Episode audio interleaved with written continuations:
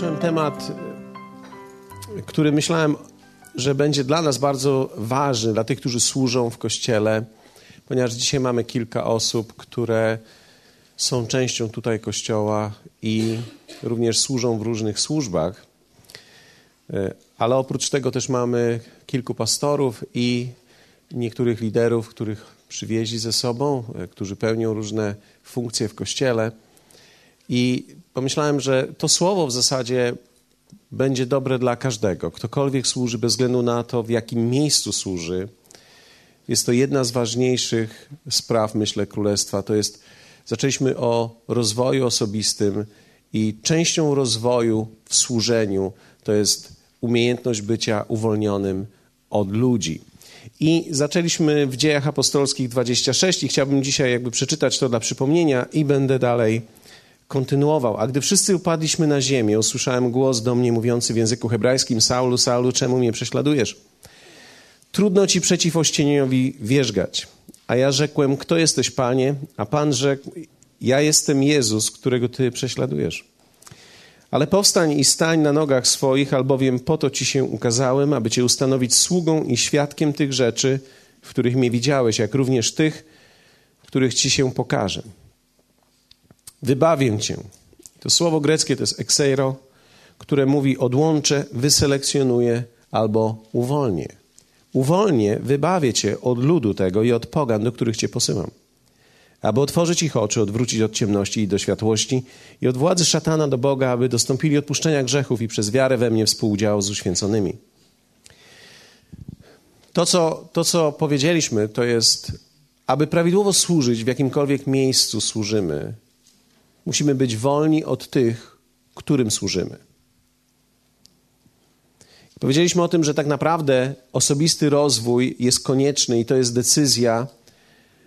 To nie jest coś, co jest wynikiem czasu czy tego, że po prostu jestem w kościele, ale ja muszę zdecydować, że będę służył.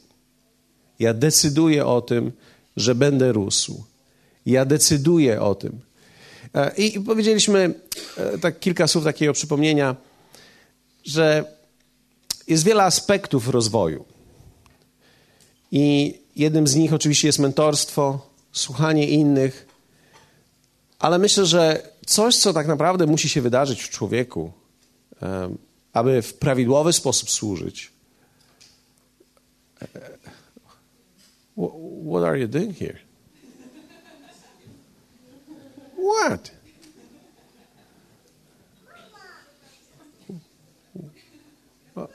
Okay. All right. Now I have to change the message.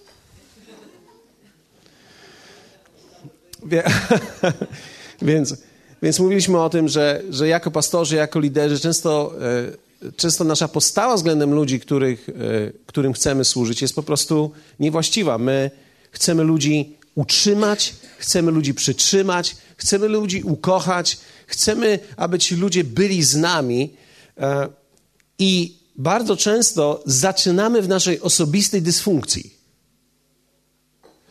która polega na tym, że karmi nas to, że nas ludzie słuchają, że ludzie są, boli nas to, kiedy ich nie ma, dotyka, dotyka nas to, że ich nie ma ze względu na nas, nie ze względu na nich.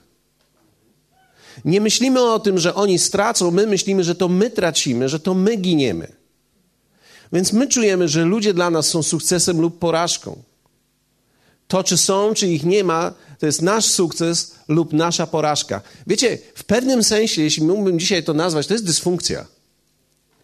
Dlatego w pewnym, w pewnym sensie każdy pastor musi przejść i każdy lider musi przejść zarówno to, miejsce, gdzie ludzie przychodzą, jak i moment, kiedy odchodzą. Kiedy ludzie odchodzą od ciebie, odłączają się od ciebie, to jest bardzo dobrze dla ciebie. Jest bardzo dobrze dla ciebie. E, wie, wiecie, e, w tej chwili nie, tu są dwa miejsca wolne, bardzo proszę. E, to jest to jest bardzo dobrze dla nas. Tu, tam są jeszcze dwa i tu jest jeszcze jedno. Okay, dobrze. To jest dobrze. Więc kiedy ludzie odchodzą, zobaczcie, w służbie Jezusa mamy tłum, który za nim podążał i tłum, który od niego odszedł. Bardzo ciekawe jest to, że kiedy ludzie odchodzili, on zadawał pytanie swoim uczniom, czy wy również chcecie odejść. To pokazuje, że przywódca, lider, ten, który służy, gdy myśli o ludziach, aby im usłużyć, nie ma dla niego problemu, kiedy ludzie odchodzą z powodu tego, co mówi, albo z tego powodu, co się dzieje. Wiecie, ja, chcę, ja mówię tutaj o idealnej sytuacji Jezusa. Tak? Ja nie mówię, że my tacy jesteśmy. Ja myślę tylko, że On jest dla nas przykładem, w związku z tym my dochodzimy do, do tego i to jest bardzo zdrowe dla nas. Myślę, że to jest dla nas bardzo zdrowe i bardzo ważne, dlatego że prawdziwa wielkość przywódcy nie jest widoczna wtedy, kiedy ludzie są włączani, ale kiedy są odłączani. Nie jak ludzi przyjmujesz, pokazuje, jak wielki jesteś, ale jak ludzi wypuszczasz. Czy potrafimy ludzi wypuścić z błogosławieństwem, czy też potrafimy ludzi wypuszczać z takim e, wstrzyknięciem im na koniec jadu śmierci? A więc z pewnością będziecie przeklęci, z pewnością wychodzicie z woli Bożej, z pewnością teraz diabeł będzie podążał za wami przez wszystkie dni waszego życia. E, czy też, e, czy też możesz to zrobić tak? Ja pamiętam, e, parę lat temu musiałem wyłączyć małżeństwo z kościoła. E, kiedy ludzie odchodzą, jest inaczej, kiedy musisz wyłączyć, to jest inaczej. Ale kiedy wróciłem z tego wieczoru, to czułem, jak całe niebo powstało i gratulowało mi, że pokonałem nie kogoś, tylko siebie. Dlatego, że kiedy musisz kogoś wyłączyć, on prawdopodobnie cię już zirytował nieraz. I szkodził bardzo. Więc ten człowiek wpuszczał jad na każdy sposób, jak tylko mógł. I teraz, co zrobisz, czy co wtedy robisz? Muszę powiedzieć Wam, że to był jeden z pierwszych momentów mojego życia, kiedy zwyciężyłem nad sobą. Nad tą chęcią wyciągnięcia mojej szpilki i wpuszczenia śmiertelnego jadu. Więc pożegnaliśmy się w ten sposób. Słuchaj, wiem, że Bóg będzie z Tobą. Wiem, że będzie Ciebie prowadził. Wiem, że będzie do Ciebie mówił. I wiem, że prawdopodobnie teraz nie rozumiesz tej sytuacji, ale za 10 lat ją zrozumiesz. Jak będziesz poszukiwał. Jak nie, to prawdopodobnie za 30. W pewnym sensie to tak wygląda. Ludzie rzadko się reflektują po miesiącach.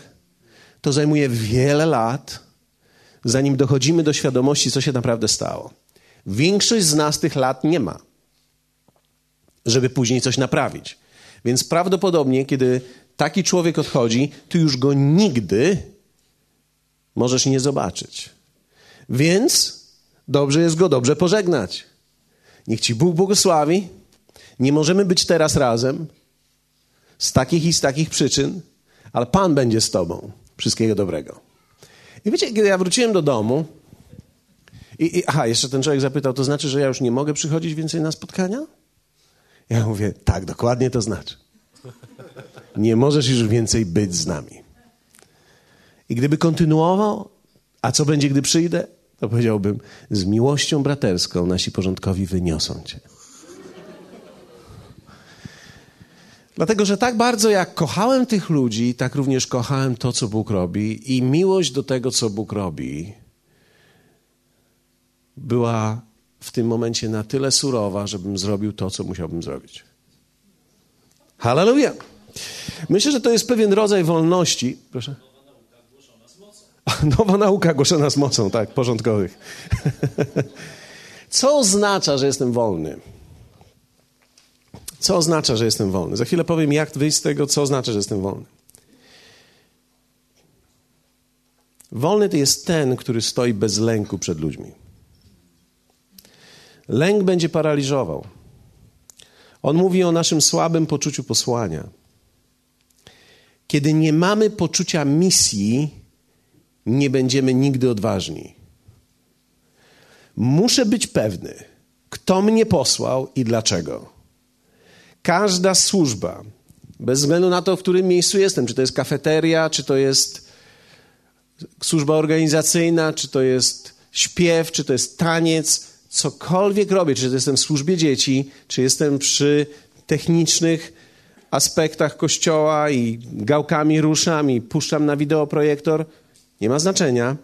Muszę wiedzieć, kto mnie posłał i dlaczego. Muszę wiedzieć, że moja służba jest przesłaniem i musi być wyraźna. I kiedy ona nie jest wyraźna, ten lęk, który jest we mnie, sprawia, że ten wyrazistość blednie. Jedna z najgorszych rzeczy jest to, że kiedy widzisz człowieka, który ma jakąkolwiek służbę i cokolwiek robi, i on nie wie, co on, co on robi, to widać po jego błędnym wzroku.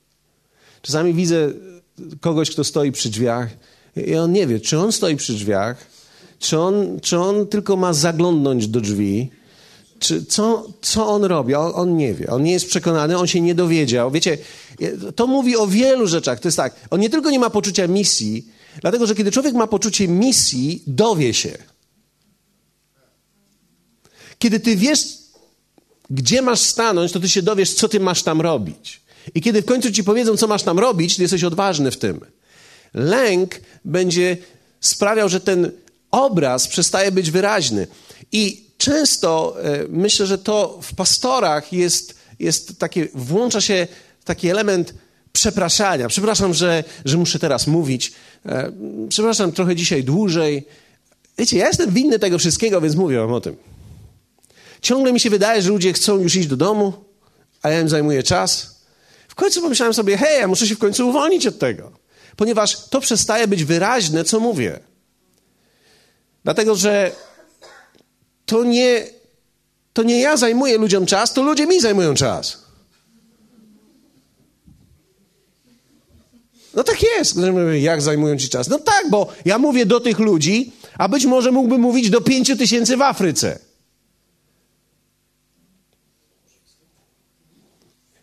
nie wiem, czy rozumiecie mnie. Czyli, czyli to, że jestem w danym miejscu, jest na tyle istotne, że nie ma znaczenia, ile jest osób. Ja nie mogę czuć, że, że ja tu jestem niepotrzebny, że to jest, że, że, że ja się boję, co ci ludzie pomyślą teraz.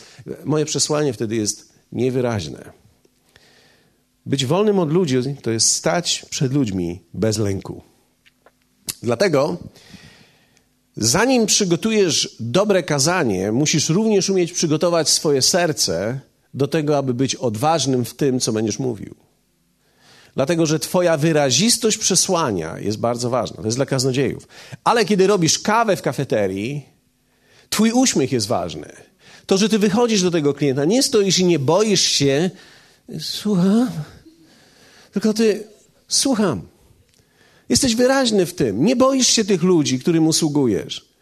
Chcesz dwie laseczki brązu? To proszę bardzo, trzecią dopłata zyka. Nie, nie boisz się mówić do ludzi, bułeczkę, o, takie bułeczki, jak nie chcesz bułeczki, to nie bierz bułeczki, nie wybrzydzaj, bułeczki są takie. No. Wiecie, w uprzejmy sposób trzeba ubrać to w kilka kwiatów, ale my jesteśmy odważni, my chcemy ludziom usłużyć, chcemy być mili dla nich, ale też nie możemy się bać. Jesteście ze mną. Być wolnym to Wolny jest ten, który jest skoncentrowany, aby ludziom pomóc, a nie aby ludzi zatrzymać. Dobro wiąże się z ryzykiem straty. Dobro ludzi wiąże się z ryzykiem straty. Każdy człowiek został zrośnięty nieprawidłowo. Dlatego najpierw łamiemy, a potem leczymy. Jesteście z tym? Wszyscy ludzie, którzy przychodzą do kościoła, łącznie z nami, przychodzą w pewnej dysfunkcji, zrośnięci źle. Diabeł ich pokiereszował i oni leżeli i porośli źle. Przychodzą, dotarli do kościoła. Teraz pierwsze, co my robimy, dajemy ludziom prawdę. Prawda ludzi łamie, konfrontuje. To się nie podoba, co słyszą. Jeden z najgorszych sygnałów Kościoła jest wtedy, kiedy wszyscy siedzą i kiwają. O, prawda, sama prawda, sama prawda. To oznacza, że nie mówisz nic, co konfrontuje tych ludzi, tylko mówisz cały czas coś, co ci ludzie lubią. O, tak, zgadzają się. Wiecie, ja wierzę w to. Ja nie, nie sądzę, że zawsze prawda jest kontrowersyjna, ale prawie zawsze ma w sobie ten element ostrza, że brzmi inaczej niż wcześniej człowiek to słyszał. I ludzie muszą usłyszeć prawdę, bo ta prawda ich wyzwoli. Dobro tych ludzi jest ważne. Dlatego, dlatego kiedy ludzie przychodzą, my mówimy: To jest tak, ty będziesz najpierw złamany, ale naprowadzimy cię na właściwe miejsce i się wtedy dobrze zrośniesz. Więc uwaga, teraz będzie bolało. Szmatkę w ząbki. Uwaga. Jest dobrze teraz. Teraz będzie dobrze. Wiecie, Słowo Boże mówi, że Bóg nas zranił, On nas też uleczy. I wiecie, kiedy mówimy o tym zranieniu, to Bóg nas nie rani, dlatego że On myśli, a ja go pokiereszuję. On, on w pewien sposób musi nas, prostując, zranić. Dlatego my przychodzimy do Niego jak do lekarza. I kiedy przychodzisz do, do Niego jak do lekarza, to On nie mówi ci, wiesz, to wymagałoby to wycięcia tego, ale ale szkoda, nie, nie można, bo to boli rozcinanie. Więc myślisz, czy to, co mam, mnie zabije? Tak, ale po co rozcinać? Będzie bolało. Nie, ty mówisz, niech mnie boli, ty mi wytnij to. Wytnij mi to szybko. Ktoś z was w życiu miał coś wycinane? Wiecie, większość z nas, ci, co mieli coś wycinane, nie żałuje, że to stracili.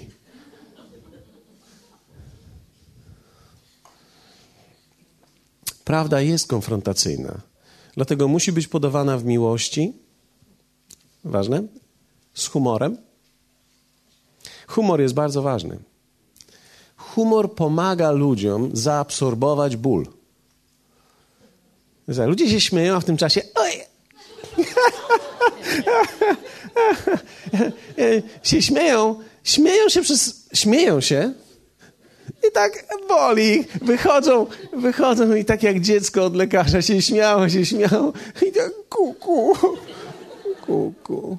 Ale, ale czują się coraz lepiej w życiu, więc, więc to im się tak nie kojarzy tylko z bólem, ale ma, jest w tym taki element takiego małego zastrzyku. Kiedy jestem w lęku, że stracę tych, których mam, nigdy nie rzucę im wyzwania. To jest ten osobisty rozwój tego, który służy. Wolny jest ten, który jest świadomy swojej misji. Wiem, co mam robić i chcę to zrobić. Jestem oddany temu, co robię, ponieważ wiem, co mi powierzono. Kiedy otrzymałem dany obszar, to ja go uprawię najlepiej, jak można i teraz zobaczcie, uruchomię nie tylko mój dar, ale zmienię się w osobę, którą muszę się stać, aby wypełnić swoją misję. Wielu ludzi ma tak słabą misję w kościele. To jest troszeczkę. Często w kościele mam wrażenie, że, że to wygląda trochę w ten sposób, że potrzeba jest naprawdę wielkiej służby. Wielka służba. Potrzymasz ten mikrofon? Trzymaj go. Ten człowiek nie wie, dlaczego trzyma, nie wie po co trzyma, ale on trzyma, bo ja mu powierzyłem to. Misja to jest coś więcej niż tylko wiedzieć, co mam zrobić. Muszę wiedzieć, dlaczego to robię. Muszę być przekonany, że trzymanie tego mikrofonu ma olbrzymie znaczenie. Cokolwiek robię, podanie nawet kawy, podanie, posprzątanie, czy odkurzenie, czy, czy zapalenie świateł, czy przeniesienie sprzętu. E, wielu z nas nosi różne sprzęty na różne sposoby. Wie, wiecie, e, to poczucie misji jest bardzo ważne, ale ja również muszę się stać, zmieniać się w środku, żeby to zrobić jak najlepiej. Modelka, która ma poczucie misji, schudnie. Tak? Zrobi wszystko, żeby mieć 2,5 metra w górę i 30 centymetrów tu. Wiecie, Czasami patrzymy na to wynaturzenie, ale ludzie z poczuciem misji zmieniają siebie. Tak samo też jest ze sportowcem. Będzie poddany treningom, aby dokonać progresu w swojej dyscyplinie. On będzie robił wszystko, żeby to zrobić. Człowiek, który, e, człowiek, który chce i czuje, że jest powołany do świata, nauczy się angielskiego. Dlaczego? Ponieważ poczucie misji w nim sprawi, że on zrobi wszystko, żeby to osiągnąć. Zapisy na angielski będą po tym spotkaniu.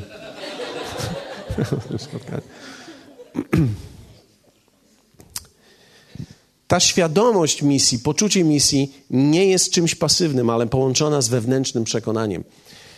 Myśmy teraz byli w Bradford, małą grupą. Wierzymy, że w przyszłym roku pojedziemy większą grupą. Dlaczego? Bo mamy poczucie misji, że coś chcemy zbudować tutaj, więc jeśli coś chcemy zbudować, musimy w to zainwestować, zainwestować w siebie, zrobić coś ze sobą, z naszymi umysłami, zrobić coś z tym polskim, religijnym umysłem. Musimy coś z tym zrobić, dlatego musimy zainwestować w siebie. Zrobimy wszystko, co tylko trzeba, żeby sięgnąć to, co Bóg ma dla nas. Poczucie misji jest bardzo ważne. Wolny człowiek to jest ten, który rzuca trudne wyzwania w klarowny sposób. Często jako liderzy podchodzimy do ludzi jak do rozpieszczonych dzieci, które mogą nam powiedzieć, czego nie lubią i co im się nie podoba. A my staramy się im dogodzić. Kiedy jednak, kiedy jednak my mamy powiedzieć, co mają zrobić. Mówimy to tak, jakbyśmy się bali, że się obrażą.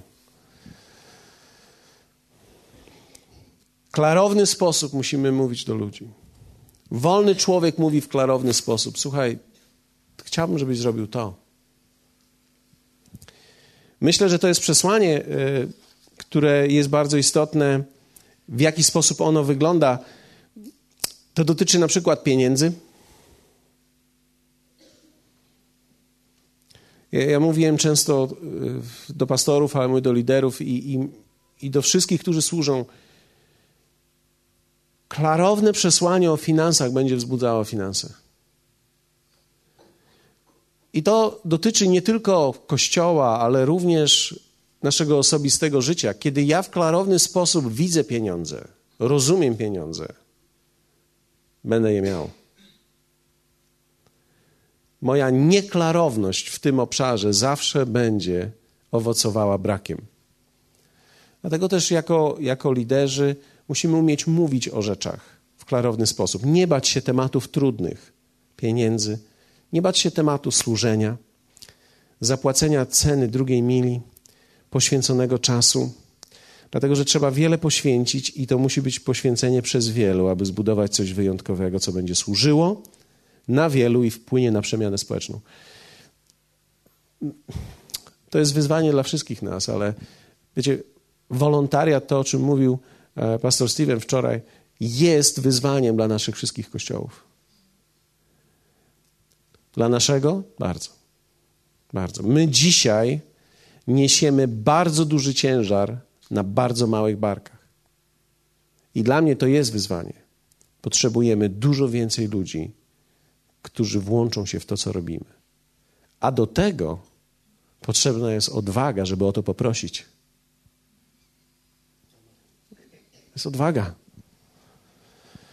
Muszę rzucać trudne wyzwania w klarowny sposób. Wolny człowiek to ten, który nie boi się podejmować trudne decyzje. Wiele decyzji jest wynikiem wspólnych debat, ale są też decyzje, które lider musi podjąć sam.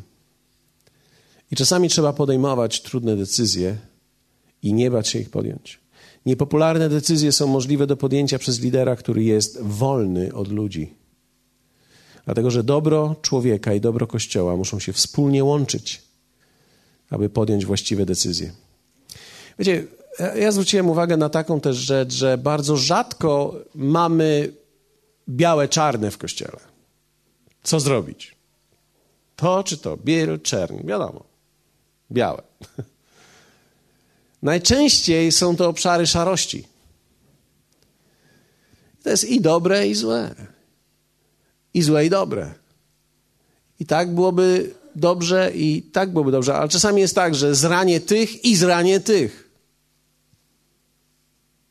Jak zrobię tak, to ci się obrażą, jak zrobię tak, to ci się obrażą.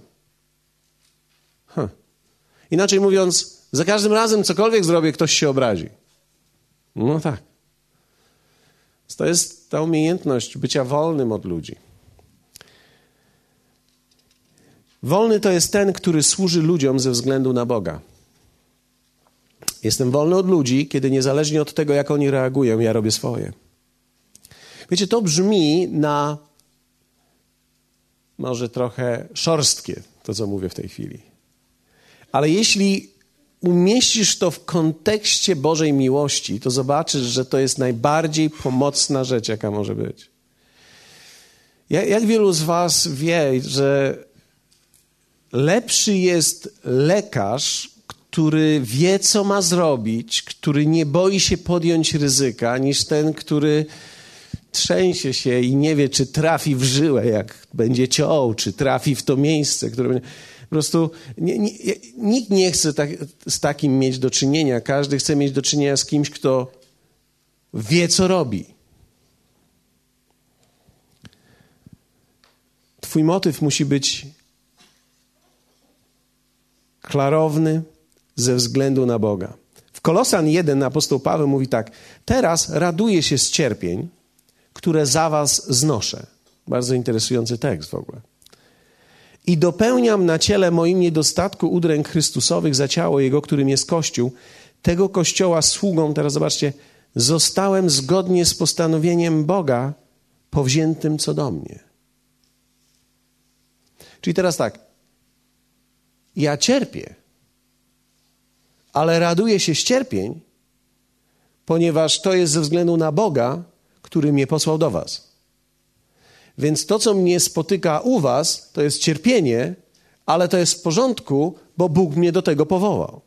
I ponieważ Bóg mnie do tego powołał, On mnie uzdolnił. To jest ważne. Dlaczego? Ponieważ w momencie, kiedy mój motyw to będą ludzie, to wtedy ja będę im służył tylko wtedy, gdy oni będą dla mnie przyjaźni gdy wszystko będzie dobrze. Ale kiedy motyw jest ze względu na Boga, to wtedy nawet gdy w tym, co robisz, jest element cierpienia, przejdziesz to, ponieważ jesteś wolny od ludzi. I teraz to będzie brzmiało na bardzo proste, ale aż tak proste nie jest, jak brzmi. Jak być uwolnionym od ludzi? W jaki sposób być uwolnionym od ludzi? Ja myślę, że w tym tekście w dziejach jest sporo e, takiej takiego światła, które nam pokazuje, jak być wolnym. Pierwsze, które widzimy tutaj w tym tekście, to jest: musisz osobiście widzieć w ludziach Jezusa. Ty sam, patrząc na ludzi, musisz widzieć Jezusa. Musi ci zależeć na ich stanie. Ja myślę, że to jest ważne dla całego naszego kościoła, dla kościołów. Wszyscy, którzykolwiek służą, ktokolwiek w jakimkolwiek miejscu służy, musi nam zależeć na stanie ludzi, którym służymy. Ja myślę sobie tak, jeśli ja, jeśli ja miałbym kiedyś okazję być e, tym, który stoi przy drzwiach, to ja bym tam dla dobra klimatu stworzył sztuczny tłum. Ja, ja, ja bym tam zrobił hałas, sztuczny tłum i, i pozapalałbym trzy świece kawowe, żeby ludzie jak wchodzą, to od razu... Zależy mi, zależałoby mi na tym, żeby od razu ludzie, ci, którzy tam są, dobrze się czuli. Że zależy mi na tym, żeby oni weszli w rodzinną atmosferę, żeby poczuli się jak w domu. Ponieważ patrzę na nich i widzę w nich zgubionych ludzi, którzy przychodzą. Bóg ich przyprowadził. I to jest fascynujące. Pewnego dnia e, e, mój szwagier, akurat go dzisiaj nie ma, e, wpadł i mówi tak, ty widziałeś, ty widziałeś, ile nowych ludzi dzisiaj przyszło? Ja mówię, widziałem. A on mówi, no, no, no i co teraz? No, no i, i, co my teraz zrobimy z tymi wszystkimi ludźmi? Przecież to trzeba teraz ich jakoś opanować, Paweł, trzeba ich opanować teraz. Ja mówię, no trzeba ich opanować. Trzeba coś z tym zrobić. Mówię, to ty teraz pomyśl o tym, jak to zrobić. Ja mówię, ja będę głosił, a ty myśl, co z nimi robić. Musisz w sobie widzieć, kim ci ludzie mogą się stać. Kiedy patrzysz na, na tych ludzi, musisz zobaczyć w nich co wspólnie razem możecie dokonać. Kiedy patrzysz na swoją grupę, niezależnie od tego, jak duża jest czy mała jest, musisz widzieć ten niesamowity potencjał, który jest w nich. Zobaczcie, Jezus powiedział do apostoła Pawła, powiedział do Saula wtedy tak: Czemu mnie prześladujesz? Jezus pokazał mu, że ci ludzie, których on prześladuje, to jest Jezus. Jezus mu pokazał, to ja jestem. I skierował jego wzrok, że teraz każdy ten człowiek to, to jest Jezus. I teraz niezależnie od tego, czy ci ludzie przychodzą tu, palą, czy też śpią źle, tak pomyślałem sobie, dzisiaj jest sobota, jutro jest niedziela, jutro zapytam ludzi, hej, czy wszyscy spali się we właściwym łóżku dzisiaj? Prawdopodobnie nie. Prawdopodobnie nie. Ale niezależnie od tego, jak to wygląda w ich życiu, ja widzę, co się może z nimi stać. To jest niesamowite, kiedy możesz zobaczyć i osobiście widzieć w tych ludziach Jezusa i ten potencjał, który w nich jest. Myślę, że on ożywia. Drugie, coś, co brzmi prosto, ale ty, my, jako ci, którzy służą, musimy mieć mocne spotkanie z Jezusem. Dlatego, że prawdziwe spotkanie sprawi w tobie przekonanie. Przekonani ludzie przekonują. Kiedy człowiek ma spotkanie, wiecie, ja nie, nie, nie mówię teraz o, o takim dramatycznym koniecznie spotkaniu, jakie miał Saul, ale my musimy mieć ten żywy obraz tego spotkania z nim. Dlatego oprócz tego, co robię, muszę być z nim, żeby tą żywość w sobie nie tylko zachować, ale żeby ją umieć odnowić. Dlatego, że najczęściej, wierzcie mi, żywości się nie da zachować, trzeba ją umieć odnawiać. Niezależnie od tego, jak mocne było Twoje doświadczenie Boga kiedyś, jeśli na tym będziesz polegał, to prawdopodobnie padniesz. Dlatego, że Boga, Jego obecność, zderzenie się z Nim, bycie z Nim musi stać się. Nie, nawet nie sądzę, że to jest nasza codzienność. Ja myślę, że to jest nasza częstotliwość, bo wiecie, nie, nie, nie każdego dnia będziesz miał niesamowite przeżycia z Bogiem. Czasami wypijesz kawę, dwie i myślisz sobie, nie pomaga.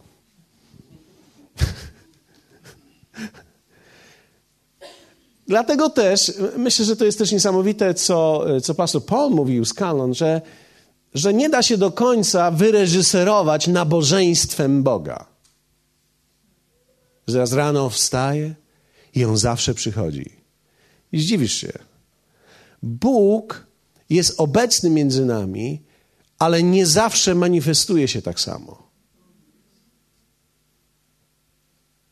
I w pewnym sensie on to robi, aby utrzymać nas w pewnej takiej żywości i ciągłym poszukiwaniu Jego, dlatego że my częściej spotkamy się z Nim przez przypadek niż z planowania. Robiąc po prostu swoje, przypadkowo znowu go natrafiamy.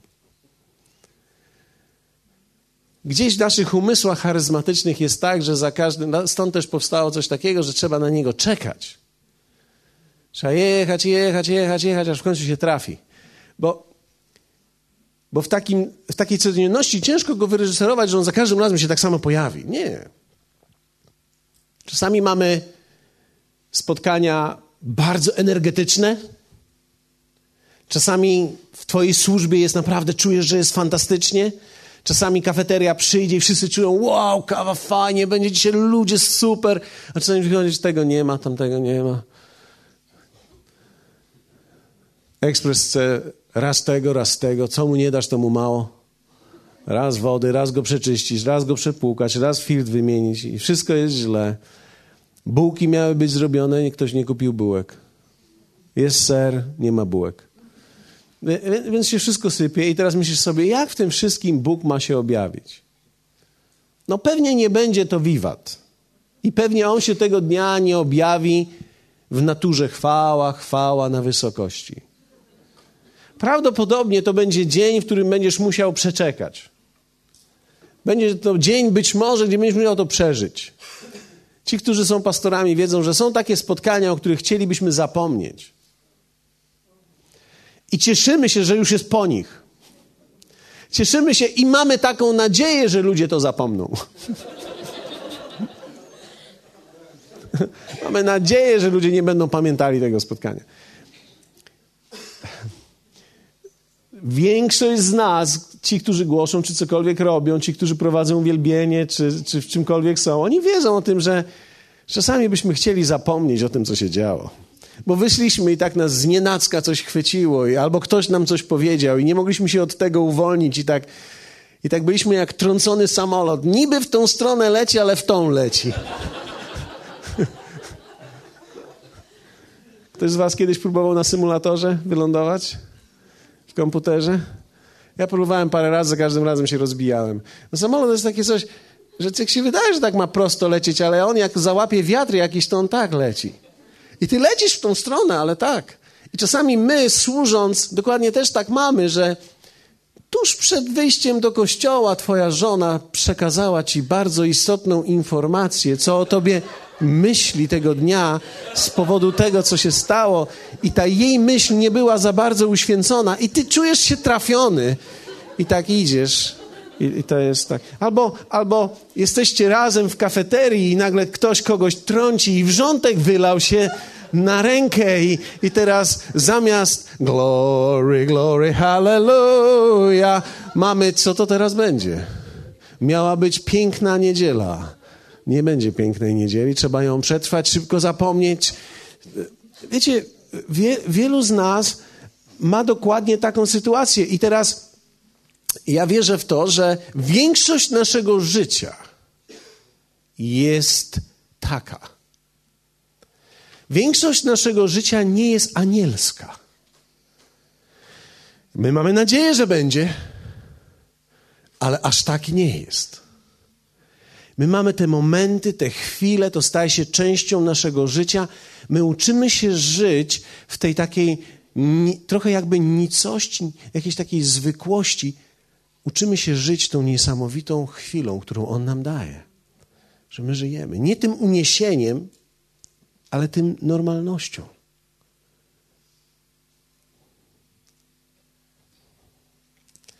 Pamiętam, jak któregoś dnia byłem na spotkaniu z Leroy Thompsonem. Fantastyczna konferencja. Tysiące ludzi stoją przy drzwiach, żeby wejść do budynku. Kolejka z 300 osób. Otwali w końcu ten budynek, wpadliśmy, dostałem VIP-owskie miejsce w trzecim rzędzie. Siedzę. Ale to było już czwarte spotkanie z kolei tego dnia. No tak, wyszedł, otworzył Biblię, popatrzył na ludzi i mówi tak, wiecie co? Nic z tego nie będzie dzisiaj. Musicie sobie wyobrazić, bo to jest ciekawe. Półtora tysiąca siedziało nas. Wszyscy czekamy, że coś się stanie. A on tak spojrzał i mówi, nic z tego dzisiaj nie będzie. No, dlaczego stałem? Byłem trzysetny w kolejce, dotarłem w końcu, mam swoje miejsce. A on mówi, nic z tego nie będzie. Wyglądacie na zmęczony. I tak było. To było czwarte spotkanie, ludzie byli zmęczeni, on zamknął Biblię i powiedział tak, wiecie co, idziemy się zdrzemnąć, na razie. To była jedna z, z bardziej niesamowitych chwil, które przeżyłem w życiu, takiego wstrząsu ku normalności. Ja nie wiem, czy ja w życiu byłbym w stanie w czasie swojej konferencji na której mi zależy i tak dalej, i tak dalej. Chcieliśmy dokonać wielu rzeczy i ten kaznodzieja ma głosić i tak dalej. Powiedzieć, wiecie co, jesteście zmęczeni, idziemy, idziemy na plażę. Nie wiem. Ale dlaczego, to, dlaczego o tym mówię? Dlatego, że twoje mocne spotkanie i twoje mocne spotkania będą cię trzymać przez wszystkie zwykłe momenty, przez które będziesz musiał przejść. I tych zwykłych momentów będzie więcej niż tych wzniosłych momentów. Decyzje, które człowiek podejmuje w tych spotkaniach trzymają go przez tą zwykłość, i w tej zwykłości zaczynasz odnajdować Boga. Trzecie, jak być wolnym od ludzi, musisz stać się świadkiem z dowodami.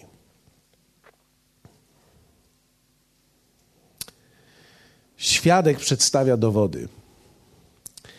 Słowo, które dostał apostoł Paweł, było takie: Postań, stań na nogach swoich, albowiem po to ci się ukazałem, aby cię ustanowić sługą i świadkiem. Teraz zobaczcie, sługą i świadkiem.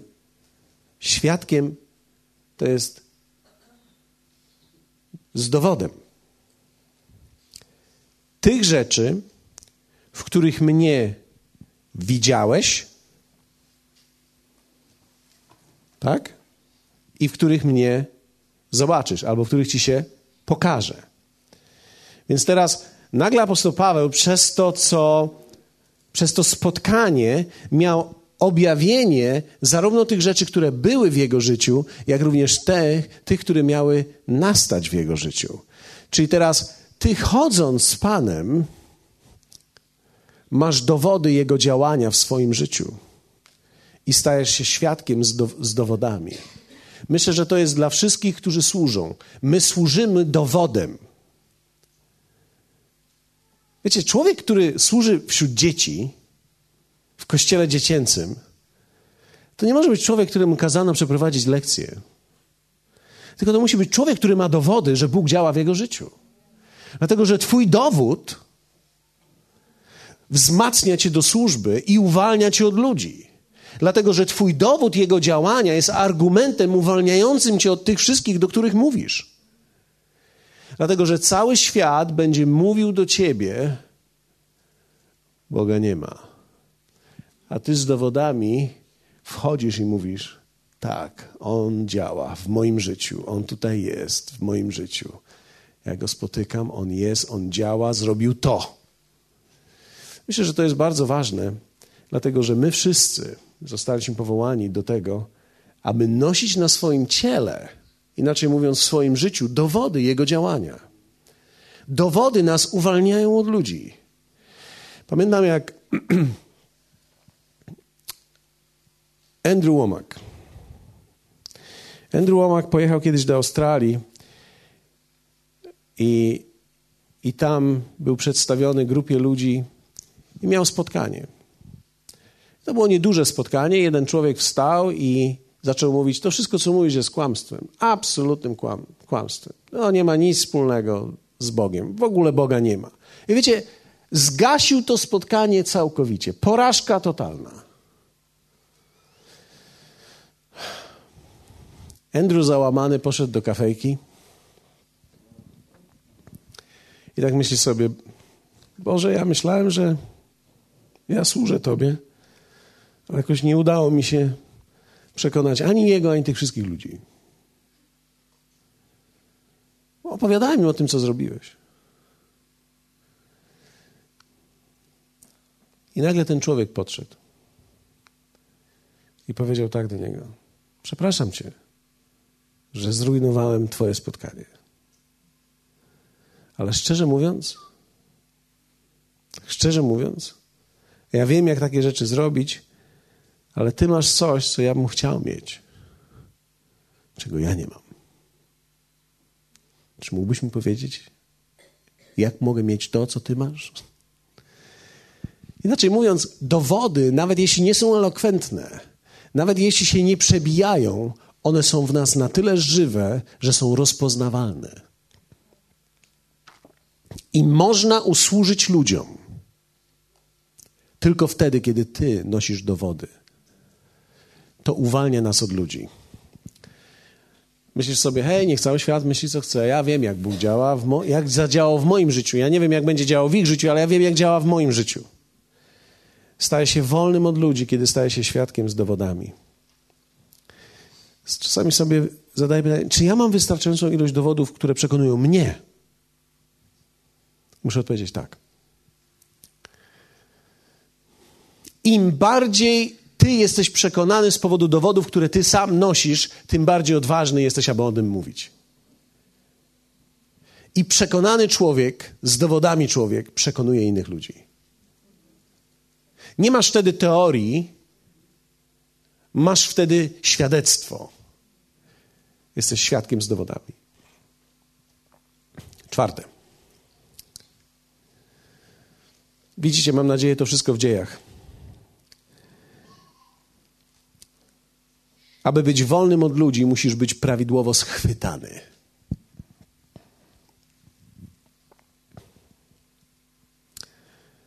Nie wiem, czy, czy to widać w tym tekście, ale Jezus tak trochę przyparł Saula do muru. Padliśmy na ziemię, usłyszałem głos. I wtedy Jezus mówi: Trudno jest przeciw ościeniowi wierzgać.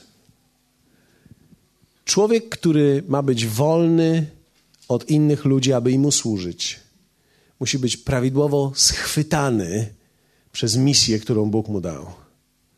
W pewnym sensie stajesz się niewolnikiem swojej misji, ale w tej niewoli jesteś wolny. Jesteś pochwycony. Wiecie, jest to fascynujące rozmawiać z pochwyconymi ludźmi. Pochwyceni ludzie, którzy mają misję, mają w sobie niesamowite życie i są wolni, aby o tym mówić. Mieliśmy przed spotkaniem wspaniałą rozmowę z Aliną. Alina mówiła o, swoich, o swoim ogrodzie i o kwiatach i o tym, jak spotyka Boga tam. Wiecie, to jest niesamowite, kiedy człowiek odnajduje wolę dla swojego życia i rozpoznaje miejsce, w którym jest, i nagle Bóg jest w tym, i jest łaska w tym, jesteś schwytany w tej woli, pochwycony w tym. Pochwycony człowiek jest fascynujący, jest atrakcyjny dla innych. Myślę, że kiedy człowiek jest pochwycony tym, co przeżywa, tym, co przeżył, jest to tak niesamowicie żywe i wpływa na ludzi, że nie, jest to trudne do odparcia.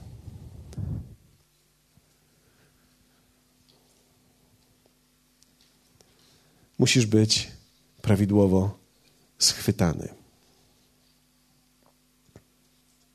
Więc pierwsze, musisz osobiście widzieć w ludziach Jezusa, mieć mocne spotkanie z Jezusem, stać się świadkiem z dowodami i prawidłowo być schwytanym. Teraz powiem takich kilka słów moich takich osobistych. Jedna z najtrudniejszych rzeczy, którą którą człowiek musi przejść, i dobrze jest, kiedy masz kogoś, kto ci pomoże w tym. Bo to jest, to jest najtrudniejsza rzecz. Odkryć swoją tożsamość i potwierdzić ją to jest najtrudniejsze. Odkryć, kim jestem i mieć potwierdzenie tego jest najtrudniejsze. Bez tego człowiek jest zawsze chwiejny i niewyraźny. Potrzebujemy, dobrze jest, kiedy mamy w naszym życiu ludzi, którzy ją potwierdzają. Nie zawsze jest to ktoś, kto jest mentorem. Dobrze jest, kiedy masz mentora, dobrze jest, kiedy masz kogoś, kto potwierdza to, kim jesteś. Myślę, że pastor Steven świetnie o tym powiedział, kiedy mówił, że jeden z jego mentorów mu powiedział o tym, kim on jest. I to zarezonowało w nim. Potwierdzenie tożsamości niesamowicie uwalnia nas od starania się być kimś innym niż jesteśmy i stajemy się wolni, aby służyć w tym naszym obszarze. Muszę Wam powiedzieć, że e, to samo dotyczy e, też pastorów często. Ja widzę, jak, nie, jak wielu ludzi chce być pastorami. Ale kiedy kiedy wiele lat zmagasz się i Kościół jest mały, nie ma nic złego w małości. Kwestia jest, kiedy wiele lat zmagasz się i to nie rośnie, to czas zadawać sobie trudne pytania. Dlatego, że często jest tak, że wielu z tych ludzi mogłoby naprawdę być owocnymi w innych miejscach. Ale niektórzy ludzie są tak mali w środku, że zmniejszą do minimum swoje akwarium, żeby być w dalszym ciągu wielkim.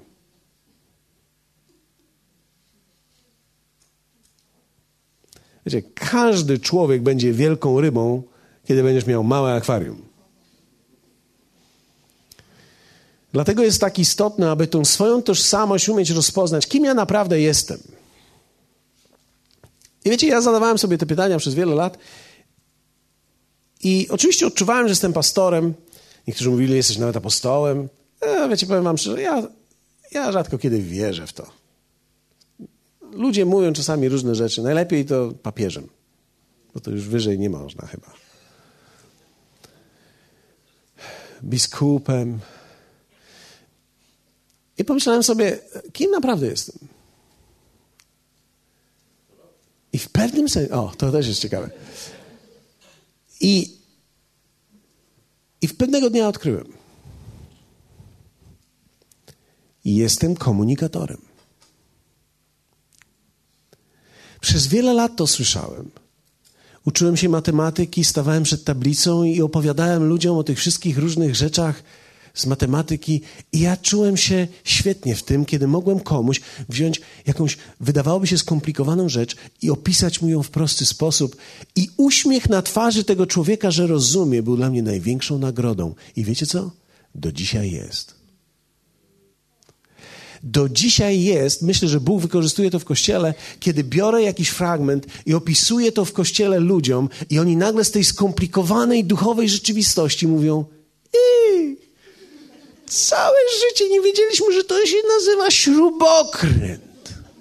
Przecież wiadomo, do czego to służy. To jest takie proste. To jest śrubokręt. I oni wszyscy wracają do domu, mówią: No, no, mamy narzędzie, skrzynkę z narzędziami mamy. I to jest dobre. Ja się cieszę z tego.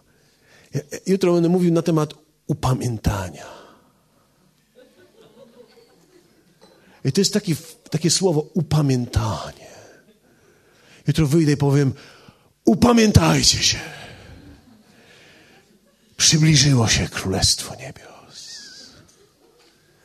A ludzie tak się cofną. Oj.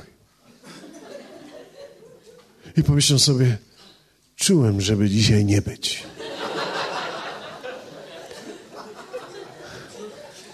A ja, a ja wtedy powiem im, to wszystko zdmuchniemy teraz. I powiem wam, czym jest upamiętanie. I ludzie wyjdą ze spotkania jutro i powiedzą, noż przecież to jest śrubokręt. Nikt nam wcześniej nie powiedział, że z tym się nie tylko da żyć, ale to jest potrzebne. Potrzebne, ludzie potrzebne. Kto z was czuje, że w domu potrzebny jest śrubokręt? śrubokręt krzyżakowy taki, dobrze mieć takie coś. Wiecie, jedna, ja, ja czasami chodzę po sklepach i lubię patrzeć na narzędzia. Ja jestem w tym, trochę remontuję, różne rzeczy robię. Lubię patrzeć na narzędzia.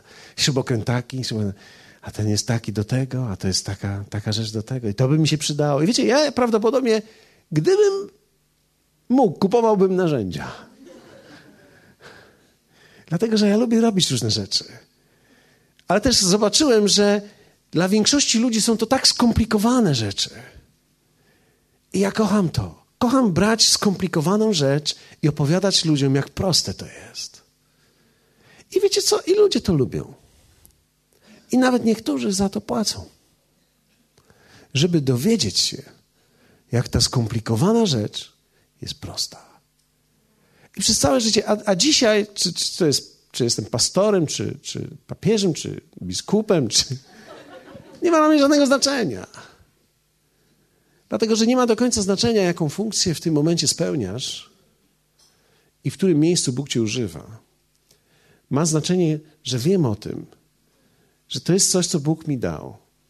To jest coś, nad czym ja będę pracował. I to jest coś, co jest pasją mojego życia. W pewnym sensie zobaczyłem, że to jest dokładnie dotyczy tego, że niezależnie o czym mówię, czy to jest matematyka, czy to jest Biblia. Robię dokładnie tą samą rzecz. Biorę coś, co jest skomplikowane i opowiadam i pokazuję, jak proste to jest. No z tego, kiedy widzę te otwarte oczy, ludzie tak, aha, aha. Ja jestem w siódmym niebie. I believe I can fly. Czuję, że zrobiłem swoje. Czuję, że moja misja jest skończona, czuję, że reszta już należy do ludzi. Teraz weźcie sobie te narzędzia i sami poróbcie teraz to, co macie z nimi zrobić. Ja już nawet się nie, jest, nie chcę zajmować tym, co oni teraz dalej z tym zrobią. Ja tylko miałem pokazać, jak to wygląda i do czego to służy. Ale przez wiele lat zmagałem się z tym. Nie wiedziałem, nie wiedziałem kim jestem. Starałem się być wszystkim, prorokiem, Benehinem, e, Howardem i... Ciężko być T.D. Jakesem.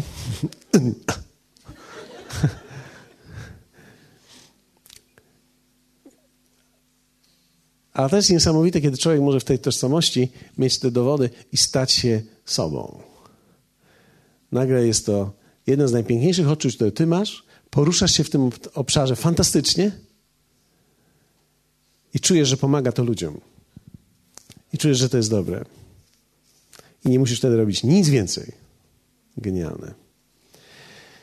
Dlatego na przykład jestem tak podekscytowany nawet spotkaniami, że mogę jutro pójść na spotkanie, bo jutro, wiecie co, pójdę z tym fragmentem i ich na początku wszystkich wystraszę.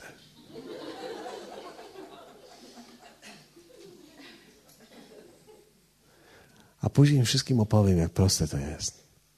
A oni będą szczęśliwi. I niektórzy z nich wrócą za tydzień.